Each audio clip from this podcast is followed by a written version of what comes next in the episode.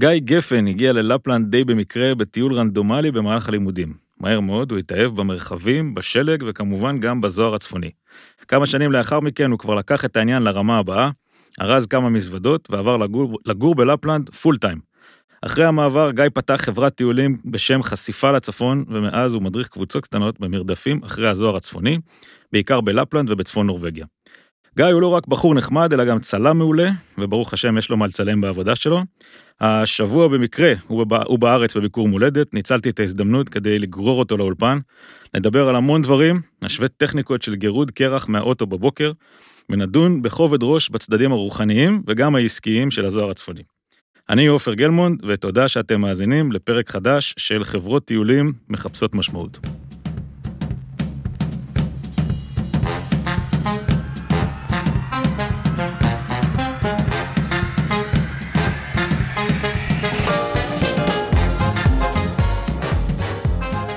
היי גיא, היי, בוקר טוב. בוקר טוב, שלום, מעניינים. מצוין.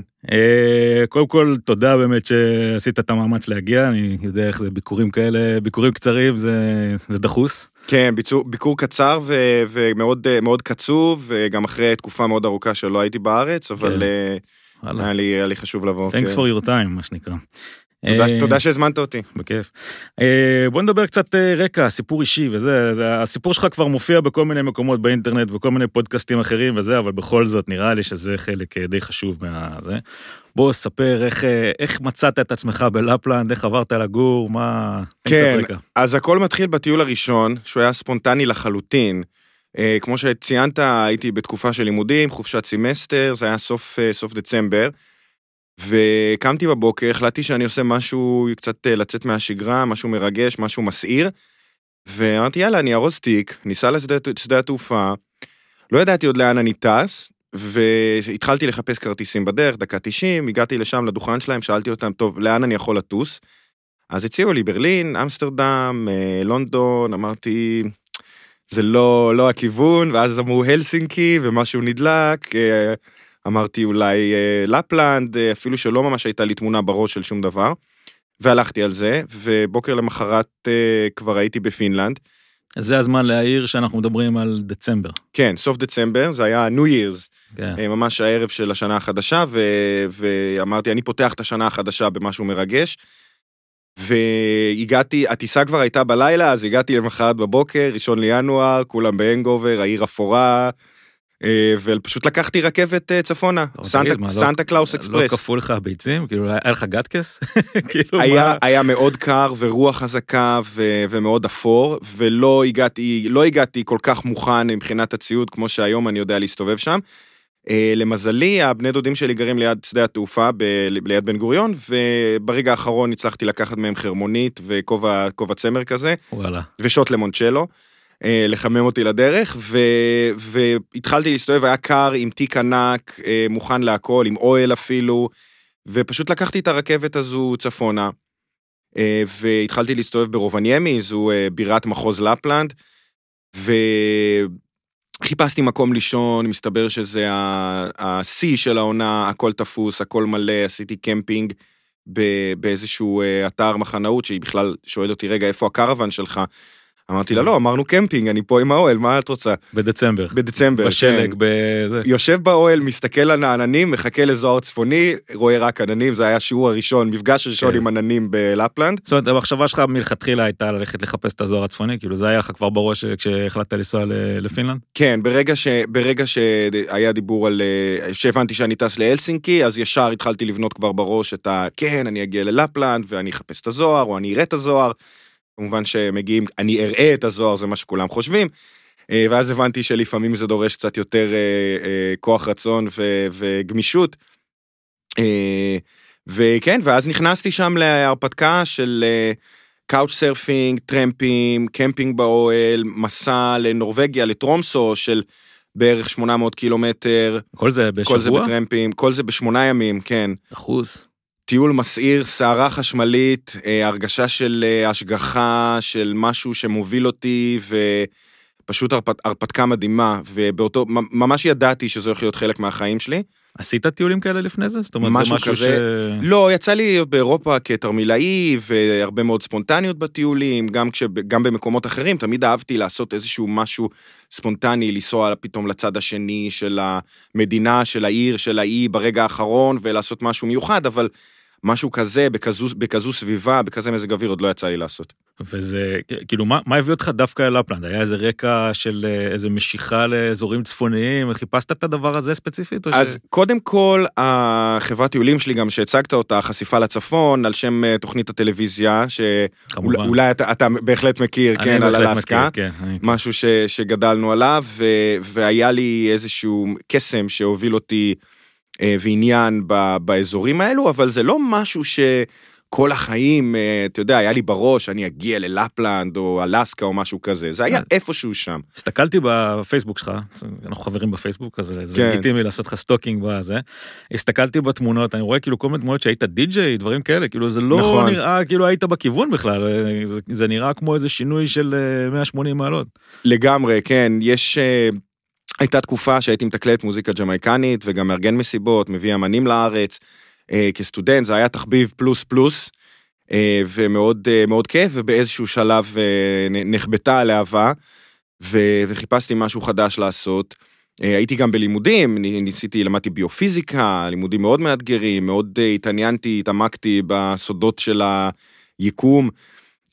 ולא ראיתי את עצמי באקדמיה, וזו בדיוק הייתה התקופה שגם הבנתי שזה הולך לקראת הסוף, וגם ש, שמבחינת התחביב, שהוא לא, לא משהו שאני אוכל להתפתח בו, וחיפשתי משהו חדש.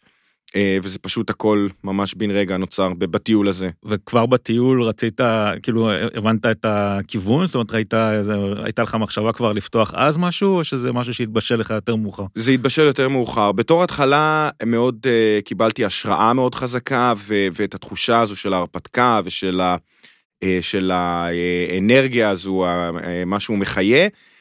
ו- והתחילו להיות לי כל מיני vision ים מעורפלים על האם אני אעשה את זה תוך כדי מסלול של למשל יצירת תוכן ו...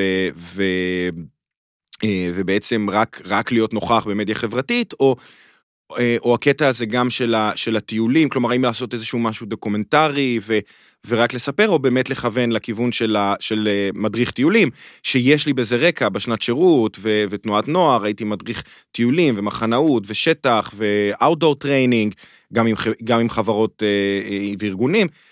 ו, וזה בעצם משהו ש, שיכולתי, כלומר, היה לי ברור שאני רוצה גם לעבוד עם אנשים. ומתי נפל האסימון שזה באמת הכיוון? אה, אז היו עוד כמה טיולים אחר כך, קצת יותר, אה, קצת פחות ספונטניים, אה, לפחות בארגון שלהם, לאיסלנד, ואז שוב לנורבגיה, ובטיול האחרון לנורבגיה במרץ 2017, טיול אחרון לפני שעברתי, אמרתי, אני נוסע לאיי לופוטן בנורבגיה, אמרתי, אני אחקור שם את האזור, אני אתמקד שם. שמי ש, שלא מכיר, רק אגיד שאיי לופוטן זה אחד המקומות המדהימים. זאת אומרת, זה אוסף של איים שכל אחד מהם זה צוקי גרנית מטורפים, שפיצים כמו שרק אפשר לדמיין, הרים כן, הכי ערים כן, שיכולים להיות. כן, ארכיפלג שיושב ממש, ממש ממש מעל החוג הארקטי. אה, ועדיין המקום היחידי בחוג הארקטי שיש בו ממוצע טמפרטורות אה, חיובי במשך השנה בגלל זרם הגולף. וכמו שאמרת, ככל שמתקרבים לקצה שם של האיים, לתוך האוקיינוס האטלנטי, אז זה נהיה יותר דרמטי, יותר קיצוני, יעד אה, מאוד כן. מאוד מפורסם, ואני הגעתי ופשוט עננות וגשם, ו, ואין מרווח, לא ראיתי כוכב בשמיים למשך כמה ימים. אה, ואז הבנתי שבעצם אם רוצים למצוא את הזוהר הצפוני, חייבים להיות הרבה יותר גמישים, לא להתמסר למקום אחד, אה, ויצאתי למסע של בערך חודש, של 3,000 אה, ומשהו קילומטר, לצפון נורבגיה, ואז לתוך פינלנד, חזרה לנורבגיה, ואז בעצם התגבש הרעיון הזה של, של מרדף ספונטני בעקבות הזוהר, אה, והבנתי שזו החוויה שאני רוצה ליצור לאנשים, בדיוק כמו הטיולים האישיים שלי. אנחנו לגמרי ניכנס לעומק על הקונספט הזה, כי זה באמת קונספט, אה, קונספט מדהים מבחינת התכנון של הטיולים שלך, אה, ומאוד ייחודי, אבל בואו רגע ניתן קצת רקע על לפלנד לפני שאנחנו נכנסים לצד הזה של הטיולים. איפה אתה גר בלפלנד, איזה אופי של אזור זה, כמה קרוב השכן הכי קרוב אליך, אתה יודע, איזה שפה מדברים שם, בוא תן לנו קצת רקע על ה... כן. אתה- אתה עברת לשם בתחילת 2018. נכון, בינואר 2018 עברתי לשם. הדבר היחיד שסגרתי לעצמי היה שלושה שבועות של Airbnb, במקום אה, כפרי, הכי, ניד- הכי נידח שמצאתי והכי פשוט. כי ידעתי שעד שאני מגיע ורכב והכול, אני, אני זקוק למקום חשוך, שאני אוכל פשוט לצאת ברגל ולצלם את הזוהר. אז- ידע- זה- זה- אזרחות אירופאית הייתה לך כבר? כן, אזרחות אירופאית, דרכון אירופאי, ו... וידעתי שאני נכנס לתהליך של רישום תושבות. היה לי ברור כבר שאני עובר, זה לא היה עוד בדיקת שטח, זה כן. כבר ל- לנסוע, ב- מכרתי את כל הדברים שלי, מסרתי, אה, היה לי ברור שאני עובר, אה, לא יכולתי להתכחש לזה יותר. ו... וסגרתי איזשהו מקום, והדבר היחיד שהיה לי חשוב זה אינטרנט אה, טוב ואפשרות לצאת לצלם בלילה במרחק הליכה. אה, אה, לפלנד זה אזור מאוד מאוד כפרי, מאוד מאוד מבודד, הצפיפות אוכלוסין שם היא פי 200 פחות מישראל. אה, שני אנשים לקילומטר רבוע, בארץ זה בערך 400. אה, וזה אזור נידח, זה אזור שהתשתיות אה, לא תמיד מי יודע מה בקטע של הכבישים, של, של, של בכלל למצוא דירה, לא היה לי מושג איך ומה אני עושה. לפלנד מתפרסת על שלוש מדינות, נכון? זאת אומרת, יש... אה, כן, לפלנד זה חבל ארץ של, אה, שמתפרס על פינלנד, שוודיה, נורבגיה וגם גם אה, צפון מערב רוסיה. מהמם. מורמנס, כל האזור הזה, זה גם נחשב לפלנד בגדול. כשמדברים על לפלנד, אז, אז מדברים על חבל ארץ שהוא ה- ה- חבל, המד- החבל ארץ של העם הסאמי, אה, ולכן הוא עובר בין כמה מדינות, אז לרוב מציינים לפלנד הפינית, לפלנד השוודית, או הנורבגית, אה, אז במקרה הזה אנחנו מדברים על צפון פינלנד, איפה שאני, איפה שאני עברתי לגור. אוקיי. מ- מקום מיוער, אגמים, כמה- כמה אתה קרוב לרובניאמי? אה, שעה, אני נמצא שעה וחצי אה, צפונה וקצת קצת מזרחה מרובניאמי. השמורת טבע נקראת פוהה לואוסטו, אני בכוונה פוהה, פיהה, פי, ה-Y אצלם זה ה-U, זה הדיפטונג הזה. אז זה פוהה לואוסטו, זה רכס הרים, פארק לאומי מדהים שיש בו מרושת בשבילים ובקתות מטיילים, ואני רגע, אתה גר בתוך national park? גר צמוד, אה, אה. לא בתוך השמורה, אבל בתוך, ה, על, על הדרך נוף, מה שנקרא. אוקיי. אה, מרחק של אה, כמה מאות מטרים מתוך השמורה עצמה, אני יכול לצאת לטיולים מהבית אה, לכמה קילומטרים, ואני על אה, ראש איזה גבעה, ראש גבעה מצלם את השמש חצות או את הזוהר הצפוני, או סתם את העצים הענקיים האלה קפואים כן. מכוסים בשלג. תמונות מדהימות. אה, יש שכנים? אה, יש שכנים, כן. אז הרכס הזה הוא יחסית, אה, יחסית על הציר התיירותי. אה, יש שם גם תיירות פנים של אתר, כמה אתרי עסקי ממש קטנים, וגם אנשים שבאים ליהנות מהמתקנים, מתקני מטיילים המצוינים שיש בפינלנד. ואנשים שגרים שם סביב תעשיית התיירות. רוב הבתים שיש שם, שמפוזרים כזה, כמה, כמה בתים פה ושם, זה בתים של, בתי נופש של אנשים שגרים בדרום פינלנד, ובאים לשם לסופה שבוע. פעם בשבועיים, חודש. יש לי שכנים שאני רואה בערך, בערך פעם בחודש לסוף השבוע. אה, הפינים גם מאוד אוהבים מרחב אישי, מאוד אוהבים את השקט, אז אה, זה לא עד כדי כך אה, מורגש, רוב, רוב הזמן זה די לבד, תלוי, תלוי בעונה כמובן. וואלה. אז בוא, כאילו, אם אנחנו כבר מדברים על זה, מה, מה האתגרים העיקריים בלגור במקום כזה? אז קודם כל ההתמודדות עם הקור.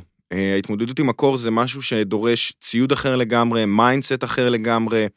אנחנו אה, מדברים על אה, בערך בין נובמבר למרץ, אפריל כזה, זה התקופה שגרת? יש, יש שני שלבים, שני שלבים עיקריים לחורף, זה באמת סוף אוקטובר, תחילת נובמבר, אפילו עד דצמבר, תחילת ינואר, שהחורף הוא נכנס, הוא הפכפך, יש המון המון שלג שבא ונמס והולך וחוזר, כל שנה מתכסה בשלג קצת יותר בזמן שונה.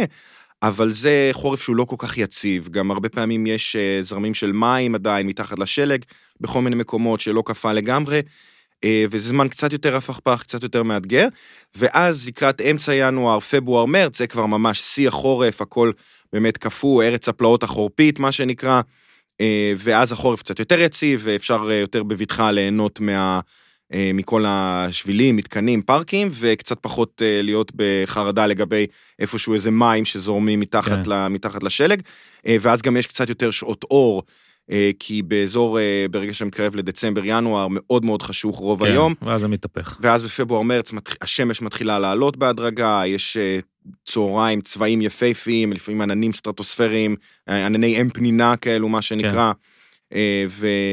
והשמש מתחילה לעלות על הצמרות של העצים, ואור, אז זה הרבה יותר, זה, זה, ה- זה הזמן השיא. אז, אז אתה אומר, האתגר פה הוא אה, גם הקור, גם החושך. קור אני מניח שיש הרבה, כאילו, אני גם ראיתי אותך בווידאו מדגים אה, את כל ה...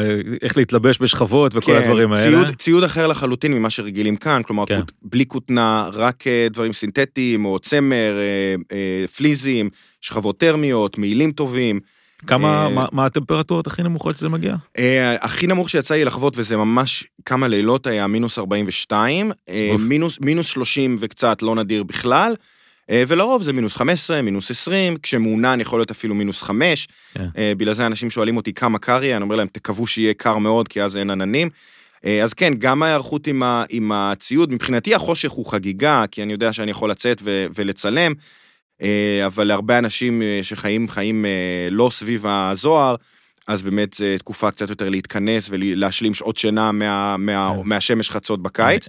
אה, ובעיקר עוד יש אתגרים אה, לוגיסטיים, גם של מרחקים, גם של אה, להבין איך המערכת עובדת, השפה הפינית מאוד, אה, מאוד מאתגרת, אה, ו... וזה באמת, אה, אלו, אלו פחות או יותר האתגרים העיקריים. אה. אתה, אתה מדבר את השפה? אתה... אני מכיר המון מילים, הדרך שבה הם מדברים, הדקדוק, הכל מתחבר, ריש- רישיות, חיליות, כל המילות חיבור, קישור, הכל מתחבר למילה, ולכן זה עדיין קצת מסובך, ואני לא ממש... אה, משפטים פינית, שלמים. פינית של עולה חדש. כן, אבל אני מכיר המון מילים, ואני מניח שאיזשהו, בקיץ אני אשלים קצת, וכל פעם מתקדם קצת יותר. יש כל מיני אה, הרגלים פינים שלקח לך זמן אה, לה- להתרגל אליהם?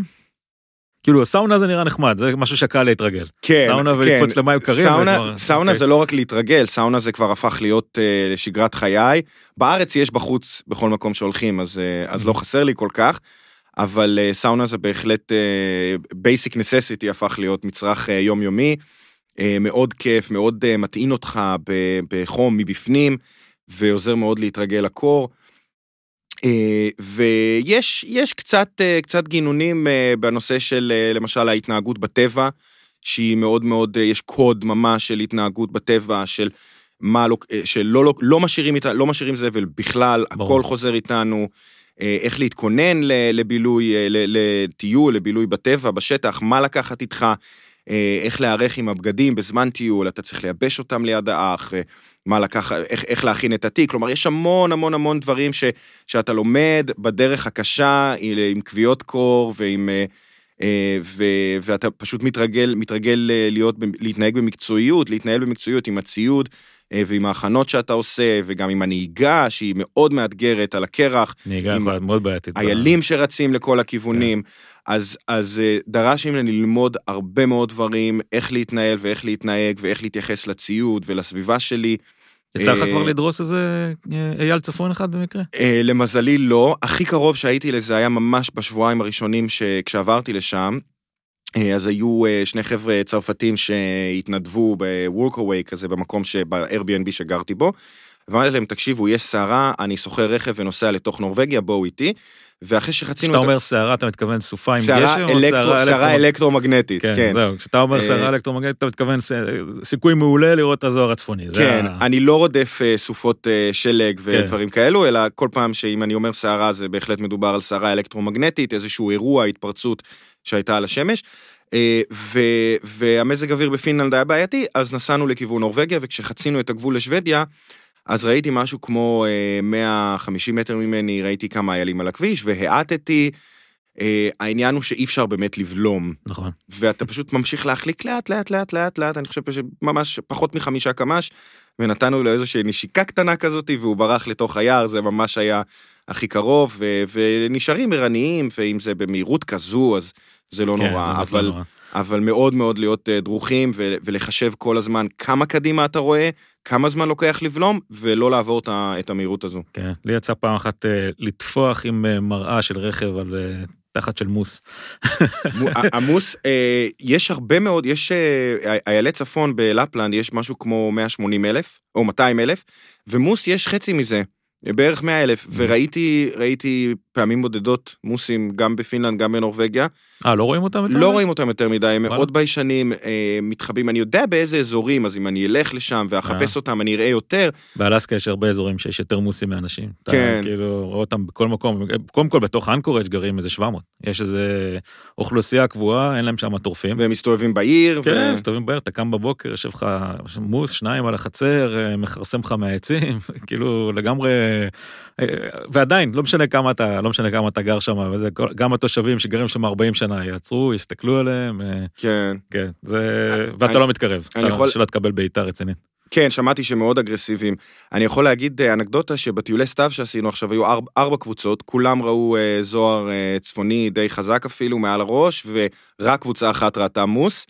אז הם אה, בהחלט, אצלנו לפחות, הם יותר נדירים אפילו מהזוהר. 12 נקודות למי שרואה מוס.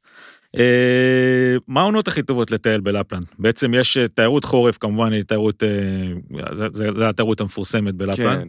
אבל זו לא העונה היחידה. לא, שיא העונה הוא כמובן הקריסמס, כי אנשים רוצים לבוא לחוות את האורות החגיגיים והצבעוניים ולהיות קרוב לכפר של סנטה קלאוס, שהוא ככה פינה די ממוסחרת שם. גם באלסקה יש. כן, זהו, סנטה הוא, אה, כן, כן כל מקום מנכס אותו. כן. ואז זה בעצם שיא העונה, הכל פולי בוקט חצי שנה מראש, אני לא כל כך ממליץ בכלל על הזמן הזה, למרות שראיתי כמה מופעי זוהר מדהימים בזמן הזה. ו... ואז יש את שיא החורף באמת של אה, לתוך פברואר-מרץ, אה, שכל האטרקציות חורף שכולם מכירים, וזה באמת הזמן הכי, הכי דחוס.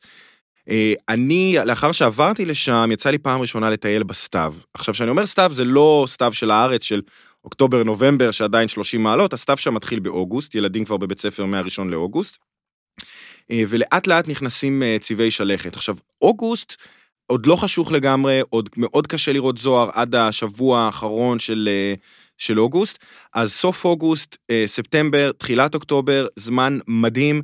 צבעי שלכת מטמטמים, אין, אין מילה כן. אחרת. אה, מזג אוויר נעים ברובו, עדיין יש גשמים קצת, ו- ויכול להיות רוח, ובלילה 2, 3, 5 מעלות. אה, אז המזג אוויר הוא עדיין קצת, אפילו קצת יותר כן. קר מחורף בארץ, אבל במשך היום לפעמים יש שמש. אה, האגמים עדיין במצב נוזלי, אז אפשר לראות את ההשתקפויות. אתה יכול לעשות טיולים ברגל, קצת על מסלולים. כן, וממש ככה, יש טרקים וליהנות מכל, הטבע, פירות יער בכל פינה, מרבדים של פירות יער ופטריות, וזה פשוט זמן קסם שאני כל שנה מנצל אותו מההתחלה ועד הסוף, בין אם זה עם קבוצות, לבד, בכל כן. כל רגע שאפשר אני כן. בחוץ. זה, זה גם באלסקה דרך אגב, זה גם כן אה, תקופה מדהימה, היא מאוד מאוד קצרה, אני לא יודע איך זה אצלכם, אבל... כן, זה... מאוד קצר, זה כמה שבועות, השיא עצמו הוא בערך שבועיים שלושה, אבל לפני ואחרי יש עוד, אה, עוד שבועיים לכל כיוון ש, שאפשר לבוא לראות. אה, ו, וגם התקופה באמצע של, של נובמבר עד ינואר, מבחינת זוהר היא טובה.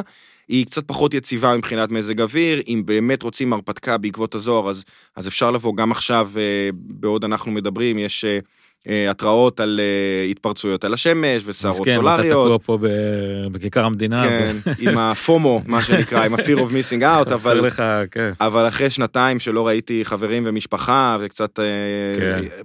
תכננתי את, ה, את הביקור הזה טוב, בגלל שעכשיו באמת המזג אוויר שם הוא בעייתי, אז...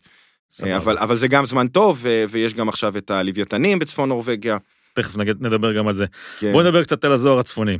כן. למי שלא, כאילו אני כבר, אני לא מאמין שכבר יש אנשים שלא יודעים איך זה נראה, כי זה, אתה יודע, אנחנו לא לפני עשר שנים שאף אחד לא ראה סרטונים, אז כולם כבר ראו בפייסבוק ובזה, אבל בוא תתאר איך נראית באמת תצוגה, כאילו, כשאתה, כמו מה שאתה אומר, סערה אלקטרומגנטית, משהו טוב. כן, אז חשוב קודם כל כן להגיד שיש הרבה מאוד פאזות, הרבה מאוד מופעים אה, של הזוהר, והוא יכול להיראות בכל מיני עוצמות ו, ו, וצורות. אה, וגם אם אה, באים ורואים איזשהו משהו, יום אחרי זה אפשר לראות משהו אחר לגמרי. אז זה חשוב, חשוב אה, לציין את זה, זה לא תמיד, זה לא תמיד אותו דבר. הזוהר מתחיל במין כזו קשת על הציר הצפוני, קצת צפון-מזרח, צפון-מערב, כי בעצם זו טבעת מסביב לכדור הארץ, וככל שהיא מתחזקת, הטבעת הזו הולכת דרומה. ומתרחבת. ומתרחבת, ואז מגיעה בעצם מעל הראש. אה, ו, ובעצם ב, בין הטבעת הזו, הקשת הזו, אה, לבין הצפון, אה, יהיו הרבה מאוד, תהיה הרבה מאוד תנועה וטקסטורות, ואז כשזה מגיע מעל הראש, אז זה מתחיל, זה מתחיל לרקוד ולזוז מהר יותר ולהיות בהיר יותר, ואז גם רואים את כל הגוונים הסגול, ירוק, לבן, מג'נטה, שמתחיל לזוז ולרקוד כמו וילונות, קולום כאלה, עמודים שזזים מעל הראש. זה יכול להיות מאוד מאוד מאוד מאוד מהיר. וכל עוד זה נמצא, זה, זה שקט יותר וזה נמצא מצפון, אז התנועה תהיה קצת יותר איטית. אה, הרבה מאוד אה, בצילומים שרואים, אז באמת הצבע הירוק הוא השולט, אבל בעין הוא לא כל כך בולט, הוא יותר אה, חלבי, ירקרק כזה. המצלמה מדגישה את הירוק. כן, היא קצת יותר כן. פלורסנית, גם העיניים שלנו בלילה הם פחות, הם יותר, הקולטנים שפעילים הם יותר פרה-היסטוריים, אפשר לומר, או פרימיטיביים, שרגילים לקלוט צלליות ושחור לבן, אז פחות אנחנו שמים לב לירוק הזה, המצלמה היא קצת יותר פלורסנטית, אבל... אה, כשזה מתחיל לזוז מהר יותר או להתבהר, אז גם רואים את הגוונים הירוקים יותר והסגולים, אה, לבנים. כן. אה, יש פעמים שזה נראה כמו מין שקיעה זרחנית כזאת. כן, לא... אורורה, כן. אורורה בלטינית זה זריחה, הם, ואפשר להבין למה, כי הם היו רואים, הם היו רואים מין בהירות כזו בצפון. וזה מאוד יכול להיות מאוד מבלבל, כלומר זה נראה כאילו הבוקר מגיע, ואז אתה מצלם עם כמה שניות חשיפה, ואתה רואה פתאום שזה ירוק, או אפילו כן. קצת אדום למעלה. כן. בפעם, אני חושב שאחת ה... אולי הסופה הרצינית שאני ראיתי, הסערה האלקטרומגנטית הרצינית הראשונה שלי, אז, אז אה, בהתחלה בכלל התחיל כמו, כאילו, גם הייתי באיזה בקתה באלסקה והסתכלתי הצידה, ופתאום ראיתי משהו שהיה נראה כמו זרקורים. ואמרתי לחבר שהיה איתי, אמרתי לו, אה, תראה, יש שם איזה מסיבה בעיר שם, אני לא יודע מה, כאילו, אתה יודע, זה כמו הזרקורים של פוקס המאה ה-20 כזה, שבתחילת כן. הזה. ואז אמרנו, רגע, אין שם עיר. אין שם אף אחד, אף אחד לא גר שם. יצאנו החוצה וכל השמיים כאילו התכסו ב... זה היה משהו מטורף, פשוט מטורף. לקחנו איזה... אני חושב שהיה לנו איזה רמקול עם, אה, שמנו את ון מוריסון ברקע, לא יודע למה דווקא. הוא מצוין, אני שומע כן, אותו הרבה שם בנסיעות. כן, אני גם מאוד אוהב את ון מוריסון, אבל אתה יודע, בסדר, למה לשים מוזיקה? אבל לא משנה, שמנו. ו... והיה היה פשוט, אה, פשוט תצוגה מטורפת, זה היה חוויה מדהימה, ו... אה, אני לא יודע איך זה בלפלנד, אני, אה, באלסקה הנייטיב כשהם רואים את האורות האלה, אז אה, מן הסתם האגדות מדברות על זה שזה הנשמות של האבות שלהם, האבות הקדמונים וזה. כשאתה מסתכל על זה אתה אומר כאילו ברור שזה הנשמות של האבות הקדמונים שלהם כי זו מה, מה זה עוד יכול להיות זה כאילו דבר כל כך אה, משוגע וכל כך אה, לא לא שייך לחיים שלנו פה על כדור הארץ אתה יודע זה, זה משהו באמת מדהים. אה, אז כן, יש, יש שמועה שאומרת ש, שיש לזה גם קולות. אתה הצלחת לשמוע את זה פעם? אני לא הצלחתי לשמוע, אה, וזה משהו ששאלתי, שאלתי עליו כמה אנשים פה ושם. אה, יש, מספרים לך איזושהי אנקדוטה, או בעיקר חוויה אישית בעיניי, שמישהו אומר, אפשר ממש לשמוע את החשמל. אני לא, לא שמעתי שום דבר כזה, ראיתי מעל מאה פעמים לדעתי את הזוהר, חלש, חזק. אני לא, אני לא שמעתי שום דבר, אולי תחושה של אה, משהו חשמל סטטי, שזה יוצר בך משהו מסעיר, אבל בעיקר, בעיקר קליק בייט אה, שמסתובב. יש, יש אה, ניסיונות, יש אה, מחקרים, אה, פרויקט אזור של נאסא, שאגב, לפני שנתיים הם שיגרו איזשהו טיל מנורבגיה, מאנדויה, ו... אה, כל מיני צבעים וצורות בשמיים שראו אותם בכל האזור, זה היה מטורף, הם גם לא הודיעו על זה, זה היה משהו סודי. ו... מה, הטיל יצר צורות בשמיים? אתה פתאום מסתכל בשמיים ורואה נקודות ועיגולים וצבעים כחולים וירוקים, ו... אה, ואז אה, שמענו על הפרויקט הזה של נאסא, שהם מנסים להקליט את הזוהר. צריך להבין שהתגובה הזו שיוצרת את הזוהר מתרחשת במינימום 80, 70, 80 קילומטר מעל כדור כן. הארץ, זה לא משהו שאפשר, אה, שאפשר ו- לשמוע. ונאסא משקיעה בזה הרבה כסף, לא בגלל שהם אה, אוהבים את הצורות ואת הצבעים, אלא בגלל שהם רוצים לחקור איך זה משפיע על הלוויינים כמובן. כן, על הלוויינים, על צוותי אוויר, על, אה, על רשתות חשמל, שערות כן. אלקטרומגנטיות, קרינה, יש המון המון משמעויות והשלכות לסיפורים האלו. וגם יום אחד יכול לבוא משהו שאולי ישנה את החיים על כדור הארץ, כפי שאנחנו מכירים אותם, איזושהי סערה סולארית יוצאת דופן. לפני כמה עשרות שנים זה שרף להם את כל הגריד בקוויבק. אה, כן, אז, אה, אז אה, זה משהו שאנחנו חוקרים אותו, המדע סביב זה נמצא מאוד מאוד בחיתולים. יש מודלים, יודעים לנסות להגיד, אבל לא, לא תמיד מדייקים במה יקרה, מה תהיה העוצמה ו... מה, מה צריך כדי לראות את הזוהר? איזה תנאים צריך כדי... כשאתה מתכנן טיול ומסתכל על ה... מנסה לבחור מקומות לפי מה אתה לפי מה אתה הולך מה אתה צריך כדי לראות את זה. אז קודם כל אני אדגיש שצריך חושך כי הרבה מאוד אנשים שואלים אותי אפשר לבוא בפסח כזה אמצע אפריל או לא יודע תקשיבו כבר כמעט ואין חושך. אה, או בקיץ, אה, יש מקומות מאוד ספציפיים שאפשר לראות בקיץ, למשל צפון מישיגן, שהיא מספיק צפונית אה, ביחס לקוטב המגנטי, לא הקוטב הפיזי, כן. הגיאוגרפי, ואז יש לך מספיק חושך גם בקיץ, כדי שתראה שאם יש סערה תוכל לראות אותה. אבל לרוב מדובר על, אה, על אה, סוף אוגוסט עד ממש תחילת אפריל, וצריך שיהיה חושך, כי בשאר הזמן באזורים הארקטיים אין חושך. מעבר לזה, הדבר הכי חשוב בעצם זה עננות. בגלל שהמזג אוויר שם הוא מאוד מאוד מאוד הפכפך ומאוד מאוד סוער, וזה לא משהו שמי שגר בישראל רגיל להתייחס ככה למזג אוויר. אה, ויכולה להיות עננות מאוד מאוד עקשנית, ובעצם אני, אני עובד בתא שטח שכולל כמה אזורי אקלים, אם זה צפון פינלנד, פנים היבשת, אה, אם זה, אם זה מערב שוודיה, שפתאום יש הרים והכל מתחיל להישבר לחוף לכיוון נורבגיה. אה, ובעצם אני מסתכל מה התחזית מבחינת העננות, לפעמים זה יותר קל, לפעמים זה יותר קשה, לראות, לעשות הימור, אה, אבל אני עובד עם כמה, מוד, כמה מודולות של מזג אוויר במקביל ומנסה לקבל את ההחלטה הכי טובה. אז קודם כל עננות אה, זה שיקול אה, מאוד משמעותי. לאחר מכן גם זיהום אור. אתה לא רוצה להיות בתוך העיר, אתה לא רוצה להיות מאחורי אתר, כשיש אתר סקי לפניך לכיוון צפון. אה, ו, ויש גם מפות של זיהום, אה, זיהום אור, של light pollution, שאני מצליב איתן כן, זה, אה, את אם המידע. אתה, אם, אם לא שמים לב לזה, אז יוצא, יוצאים כתמים אדומים בתמונות, זה מבאס מאוד. נכון, כן, של התאורת מרקורי, כן. מרקורי, מה שנקרא מרקורי קדמיום. כן. כן. בסדר, טוב, רגע, אז אני רוצה להגיד משהו, אני אעשה קצת קידום עצמי חסר בושה, ואז אנחנו נדבר על הצד של הטיולים וכל הזה.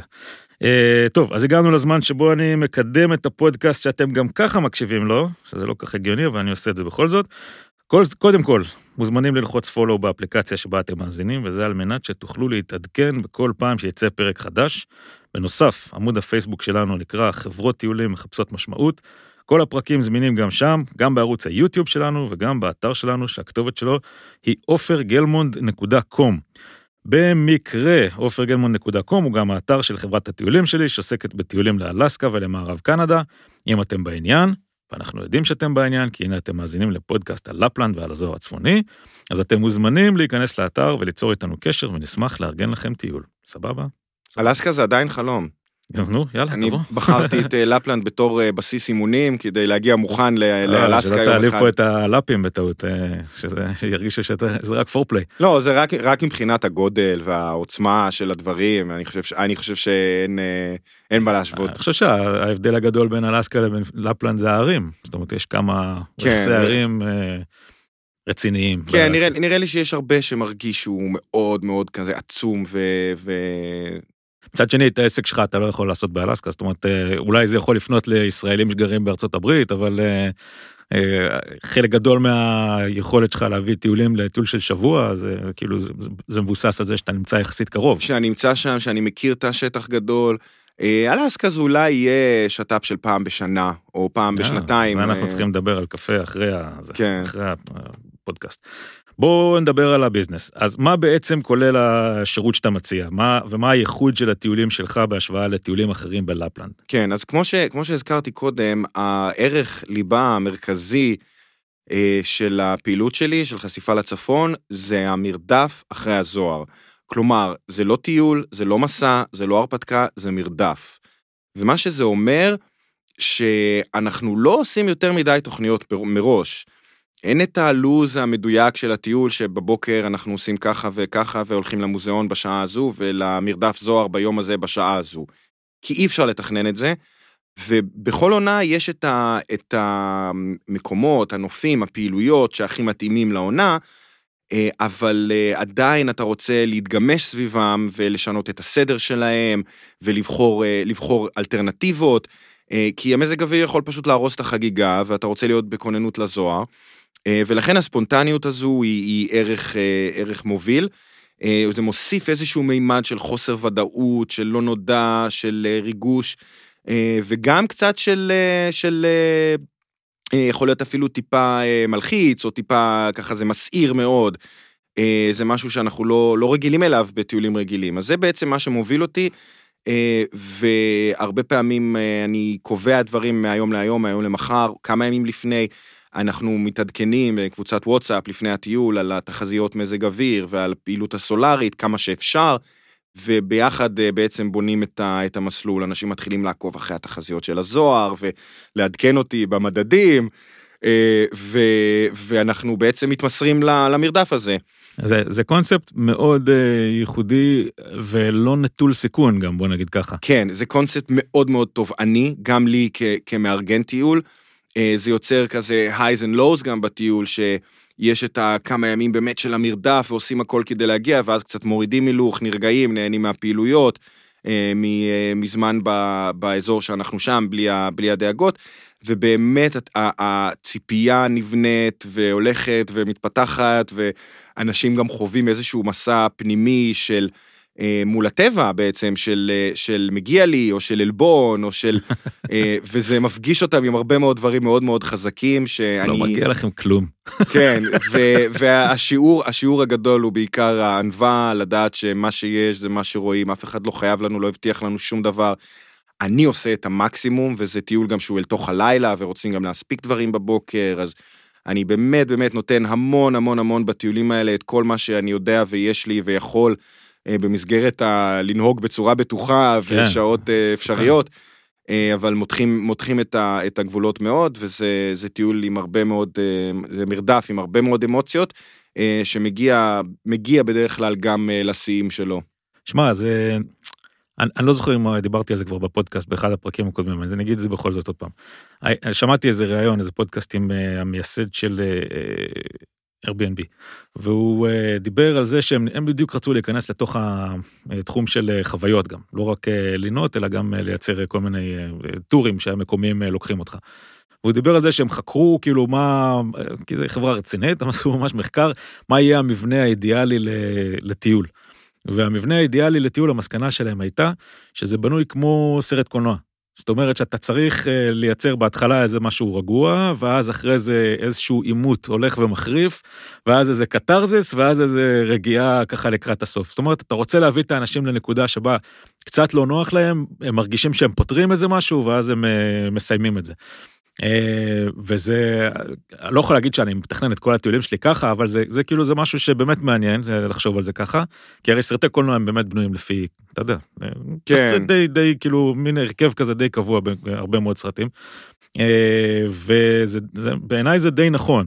עכשיו, מה שאתה אומר, זה שאתה בעצם לוקח אותם, מבחינה אידיאלית זה יכול להיות בדיוק לפי התסריט הזה, אה, אבל אתה גם לוקח בחשבון שאתה יכול למצוא את עצמך בסרט אה, אחר. זאת אומרת, יש גם worst case scenario שבו אתה נוסע בעננים במשך אה, שבוע. כן, בהחלט זה אפשרי, וזה בכלל לא נדיר, שתהיה עננות שבוע, שבועיים, חודש. לכן הטיולים שלי הם קצת יותר, המרדפים האלו הם קצת יותר ארוכים. אני לא ממליץ על פחות משמונה, תשעה לילות, אפילו עשרה לילות. וואלה. כן, כדי שיהיה את הסיכוי לראות את הזוהר וגם לראות אותו קצת יותר פעיל מעל הראש. אה, בינתיים, לשמחתי, אה, זה מוכיח את עצמו. וגם אם יש, כמו שאמרתי, אה, כמה ימים יותר רגועים ושקצת נחים ומשלימים שעות שינה ואוכלים טוב ו, ונהנים מהדברים שיש מסביב, שזה גם חשוב. בטח. כי בסופו של דבר זה איזושהי חוויה קצת יותר גיאוגרפית, שאתה מגיע למקום מאוד מיוחד, יש שם הרבה מאוד דברים עוד לראות מסביב. ובוא נגיד ככה, הלוואי שת... שהבעיה שלי תישאר זה שאנשים ראו את הזוהר ביום השני. כן. שזאת תישאר הבעיה לא, שלי, זה, זה, זה בסדר ברור. מבחינתי. אני אומר כאילו, גם יש את הסיטואציה שאתה יודע, בן אדם יכול אה, להגיע ולא לראות, אבל את זה הם יודעים מהרגע שהם נרשמים. זה, זה, זה, זה אפשרי, ברור. ועושים את המקסימום, אם הייתי יכול אז גם הייתי עושה את הטיול הזה חודש, אבל. יש גבול. אה, מה, ו... איזה עוד דברים אתם עושים חוץ מלרדוף אחרי הזוהר? זאת אומרת, איזה פעילויות אתה משלב תוך כדי הטיול? אז אני בעצם חילקתי את, ה, את העונת הזוהר מספטמבר עד, אה, עד אה, מרץ לשלושה חלקים. החלק הראשון זה, זה הסתיו. אז אנחנו עושים טיולים בשטח יותר, כי מאוד נוח המסלולים וצבעי שלכת. עושים שייט, שייט לראות את העיטם לבן זנב, את ה white-tailed eagle ואיך הוא שולה את הדגים מה, מהים, או קצת כלבי ים. עושים שייט באגם בצפון פינלנד, ועושים קמפינג של לילה על אי, ועם סירה בלילה לראות את הזוהר. זה הרבה מאוד קמפינג, הרבה מאוד אאוטדור, ומתאימים את זה לכל קבוצה, אם הם רוצים, אתה יודע, כמה הם אתגריים והכול. השלב השני, מנובמבר עד ינואר, אה, זו העונה שמגיעים הלוויתנים, הגדולי סנפיר והאורקות לצפון נורבגיה, אה, וגם האזור הזה של הפיורדים, של האיים, לא רק שהוא יפהפה, אלא הוא גם קצת יותר, אה, מבחינת מזג אוויר, הוא יכול להיות מאוד מעונן ובצורה עיקשת כל קו החוף, ואז אפשר להיכנס קצת פנימה, אבל הרבה פעמים יש כן שבירות ופתיחות בעננים באזורי החוף, ובדילוג בין כמה חופים, אז אפשר פתאום להיות מזג אוויר אחר, אז זה גם יתרון. ואז בעצם יש את שיא החורף, ששם עושים קצת מכל דבר, בין אם זה סיבוב עם אופנועי שלג לראש הר, לראות את הזוהר בלילה. אם קופצים לשוברת קרח בחלק מהקבוצות, לחוות את השחייה הזו במים קרים, ויהיו אפילו כמה קבוצות, אולי קבוצה שתיים בשנה, שהולכות להיות מאוד אתגריות, של מסע אה, רגלי בשמורות טבע, עם אה, כל הציוד עלינו בין בקתות מטיילים, בלי חשמל, עם סאונה שעובדת? על עץ בחורף. אה, לחוות באמת את השקט של תוך היער, וזה יהיה קבוצות... צריך לעשות להם מבחני כושר. קבוצות ליחידי סגולה, שידעו בדיוק למה הם נכנסים, מעט אנשים, זאת הולכת להיות הרפתקה מדהימה, ש... שאני השנה כנראה מוציא קבוצה ראשונה כזו, שתהיה וואלה. באמת של חברים, הרפתקנים, אנשים שאני מכיר, שכבר היו באזור. אה, וזה יהיה, זה לא יהיה מה... זה יהיה ממש משהו מיוחד כזה בצד. מדהים. אה, קודם כל עשית לי חשק. דבר שני, אה, העסק שלך, נגעת בזה קודם, אבל אני רוצה להיכנס לזה עוד פעם, העסק שלך הוא תלוי ב-100% בך. יש פה נהיגות ארוכות, יש פה נהיגות על תנאי שטח, תנאי כביש לא הכי נוחים בעולם. יש לחץ, אה, שגם אם הלקוחות לא יגידו לך כלום, זה כמו לחץ של אה, מדריך באברסט, אתה כאילו רוצה להביא אותם לפסגה. אה, א', איך אתה שומר על עצמך, האם אתה מגדיר לעצמך שעות, שעות שינה, מתי אתה מסיים כאילו לילה, למרות שנגיד יש כל התנאים, הכל מבטיח וזה, אבל כבר שלוש בבוקר ואתה עדיין לא רואה את הזוהר הצפוני. מה, מה אתה עושה כדי לשמור על עצמך מן הסתם גם לשמור על המטיילים. אז כן, אני, אני מהנהן ומחייך פה, כי ממש נגעת בכל הנקודות המהותיות, לעומק גם, ותיארת את זה מאוד יפה. אה, אז באמת יש כאן המון אה, שהוא לא נודע והמון אתגרים. אה, וקודם כל, אני אתחיל דווקא מהצד, מהדבר האחרון שהזכרת, של באמת עבודה מול המטיילים, מול הלקוחות, האורחים. אנשים שזה בעצם החלום שלהם ומפקידים בידיי את הזכות, את האפשרות ואת לעשות... הדול, ואת הדולרים. ואת הדולרים, לעשות כל שביכולתי, את היורואים, כן. לעשות כל שביכולתי בשביל להגשים להם אותו. ואני חושב שקודם כל לזה הם שמים לב, שאני נותן באמת כל מה שאפשר. ו, וגם אני חווה איתם את ההתרגשות, את האכזבה, את הציפייה, וזה כל פעם ככה מסע, מסע מחדש. אה, אני מגדיר אה, את הזמנים בהתאם לתכנון שאנחנו בונים של כמה ימים קדימה, בין אם זה סביב הפעילות שאנחנו עושים, או בין אם זה סביב המרדף אחרי הזוהר, אה, וכל יום מחשבים את הסיכויים מחדש. אפשר לתכנן ולהגיד, כן, היום אנחנו ננוח, ואז פתאום לקראת הערב מתחילה פעילות, ורואים איזשהו כתם בהיר, והולכים על זה.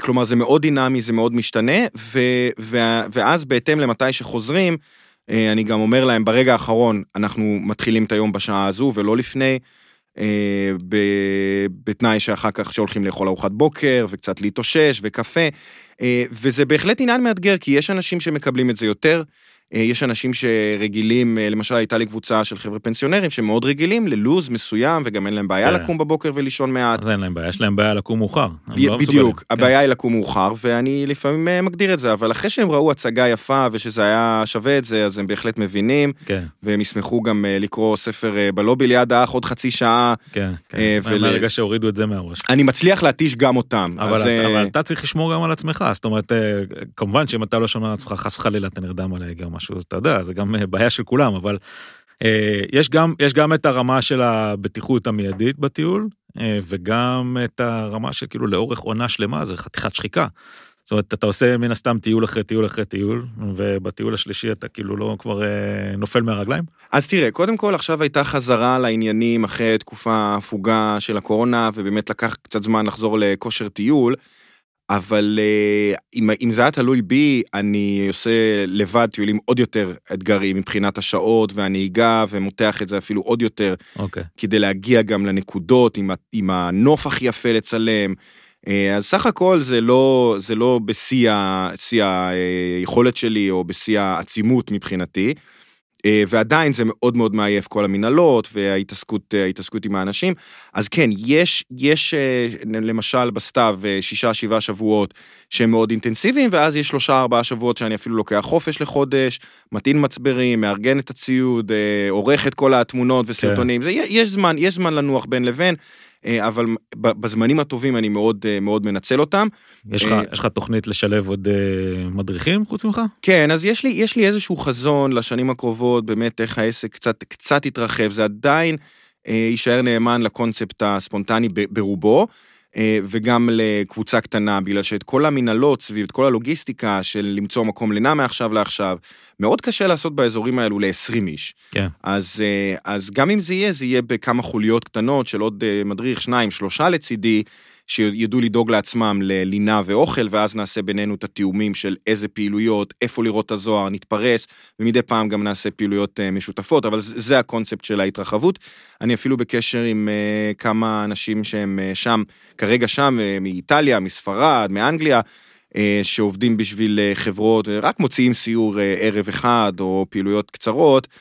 ואנחנו מין כזו רשת של אנשים שמחפשים את הזוהר, מתעדכנים, מעדכנים, כן. ו, ויש לי גם uh, תוכנית uh, להפוך את זה אפילו למשהו בינלאומי, כי דבר כזה, כמו שאני עושה, פשוט לא קיים. בדיוק, זה מוצר uh, סופר ייחודי, ממש... Uh... כן, כאילו ויש... גם אפשר להבין למה, זה, זה באמת דורש התמסרות די מוחלטת לדבר הזה, אבל אני חושב שמרגע שאתה... אני חושב שזה לגמרי משהו שאפשר להעביר אותו לפסים, נקרא לזה תעשייתיים, כן? חס וחלילה לא לאבד את הייחוד של הטיול, אבל לקחת כמה מדריכים, ללמד אותם בדיוק איך אתה עובד ומה אתה עושה, ונראה לי זה גם כן. משהו שאתה יודע, גם משהו שמדריכים יאהבו לעשות. כן, ואולי, ואולי לנהל להם קצת את, ה, את הלוגיסטיקה מבחוץ, כן. ולעזור להם לקבוע מקומות, והם לא, שהם לא יצטרכו לשבת ולשבור את הראש על ה... על ה, איפה אני סוגר להם לינה ואוכל ו, ואיפה הולכים לראות את הזוהר, אלא באמת רק ברמה של קשר ותפעול עם הקבוצה ויחס אישי, אה, ואת הלוגיסטיקה אנחנו נעשה במין אה, חמ"ל, מנהלה כזו אה, מסביב. אבל... נשמע, אה, נשמע רעיון מדהים. כן. נשמע שזה צריך לקרות. אה, כן, יש עוד, יש עוד, יש עוד בדרך, תראה, יש עוד, אה, עוד שיעורים לעבור וצמיחה, ובאמת להדק את הקונספטים ואת העשייה, קודם כל סביבי, ולראות באמת שאני מוצא את הדרך שלי גם של כל, כל נושא המיתוג והמסע הלקוח והקשר עם הלקוחות. להבין בדיוק איך אני מעביר גם את המסר לגבי המרדף הזה, כי, כי נדרש תיאום ציפיות מאוד מאוד רחב, שאנשים ידעו למה הם באים ו, ויבינו ו, אה, ויקבלו את זה מראש ו, וכמה שיותר אה, מידע בשבילם, שיתכוננו.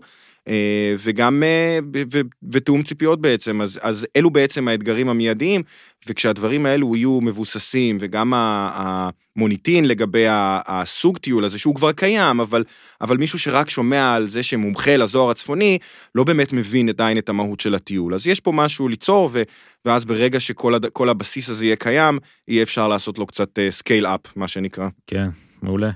Uh, הלקוחות שלך הם uh, מה, מה האופי שלהם העיקרי זה בדרך כלל חבר'ה צעירים חבר'ה מבוגרים איך אתה אתה מכוון לאיזה תחום uh, פלח שוק מסוים או שזה לא משנה לך. יוצא שבכל שבכל נגלה כזו בכל חלק של העונה יש לי קבוצה אחת של קצת יותר צעירים ויש לי קבוצה אחת שהם קצת יותר מבוגרים הרוב. ככה נופל באמצע חבר'ה של בוא נגיד 30 uh, פלוס.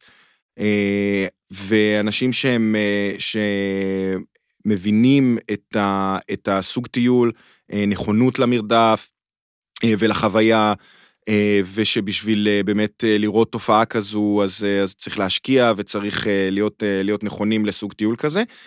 כלומר, אני עובד עם, עם, עם, עם קהל יעד באמת בכל הגילאים, אבל הרוב, כלומר, הרוב הוא בין, בין ה-30 ל-60, רוב האנשים שפונים אליי. אה, זה לא מתאים למשל למשפחות עם ילדים קטנים. כן, זה כי... ברור, זה הרבה נסיעה באוטו, בטח. כן. אה, הקבוצות יוצאות בדרך כלל די הומוגניות, או שיש לך גם אה, לפעמים קבוצות מעורבבות של גם 30 וגם 60? אני, לא, אני מאוד משתדל לכוון אותם, ואני אומר להם, תראו, הקבוצה הזו, כרגע יש בה חבר'ה של...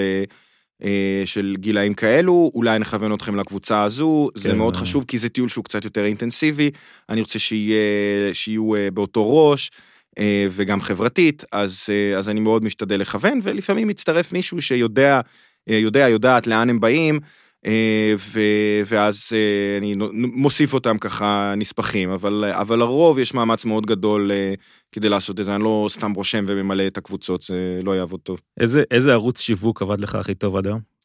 מה, ש- מה שעבד לי הכי טוב עד היום זה מה שהאמנתי בו מלכתחילה, וזה אך ורק אורגני, להעלות את הסיפורים שלי, את התמונות, את החוויות, בעיקר לפייסבוק ואינסטגרם.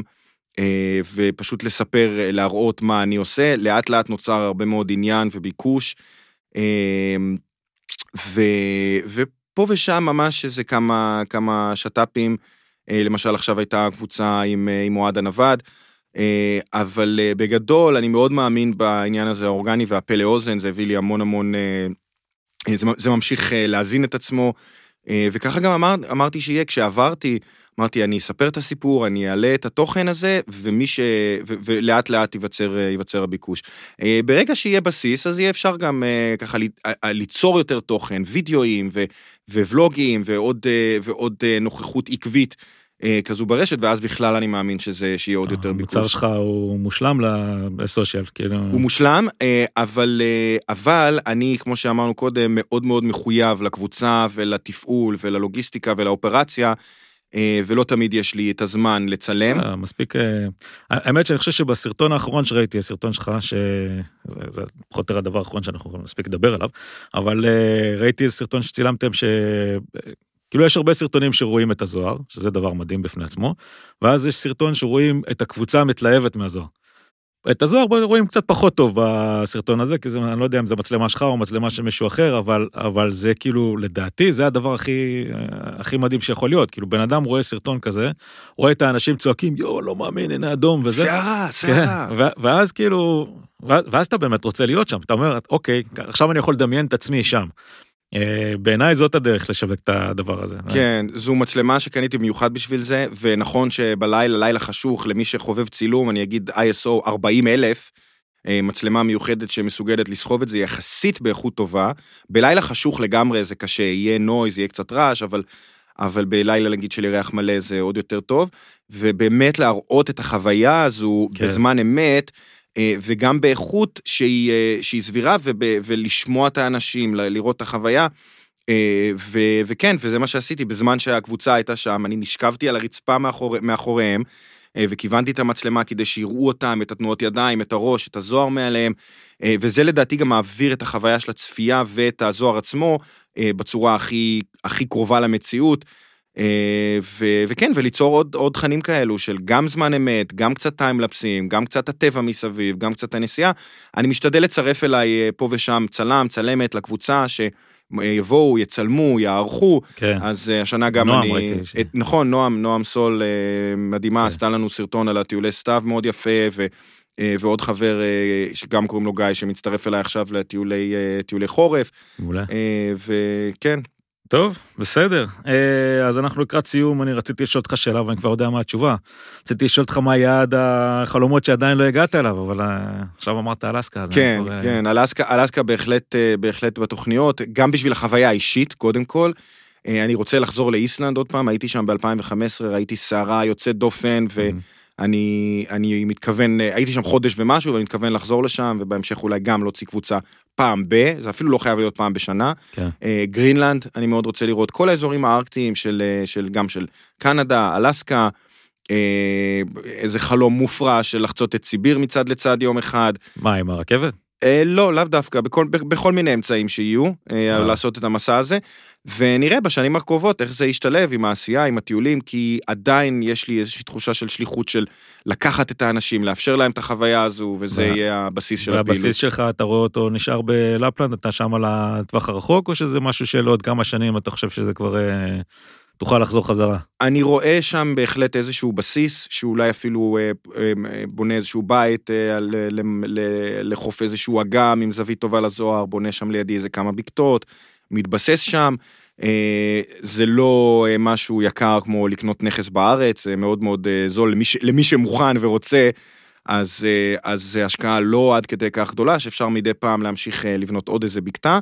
אה, אני גם רואה את עצמי אולי עם איזשהו אה, בארץ בהמשך, אה, מבלה קצת יותר זמן, כלומר, התקלה של הקורונה שלא הייתי פה שנתיים, זה לא יחזור על עצמו. אכן תקלה הקורונה. כן. אה, נראה איך אני, איך אני מעביר כאן איזה לפחות חודשיים, שלושה בשנה, וגם עוד קצת מטייל בעצמי. אה, ויכול להיות שאני, אה, שאני ארצה להקדיש, להקדיש זמן למקומות אחרים, אבל תראה, יש לי שם את כל התא שטח הזה של פינלנד, נורבגיה, כן. שוודיה, יש לי המון מקומות לטייל, ויש לי גם לאן להתפתח, גם מבחינה אישית ועוד מקומות, ואני רואה, רואה את עצמי מטייל בעוד מקומות, אבל בשביל שאני באמת אעתיק את הבסיס שלי מצפון פינלנד, משם מהאזור, אז צריך לקרות משהו באמת, אה, באמת מיוחד, אני לא חושב שזה, שזה יקרה. הבסיס, הבסיס כנראה יהיה שם, והוא גם מאוד נוח אה, אם אני רוצה לעבוד עם מקומות אחרים. יאללה, על הכיפאק. גיא, תודה רבה שבאת, היה תענוג, אה, באמת שמחתי. ויאללה, עד הפעם הבאה. תודה לך, היה כיף מאוד. ביי, להתראות.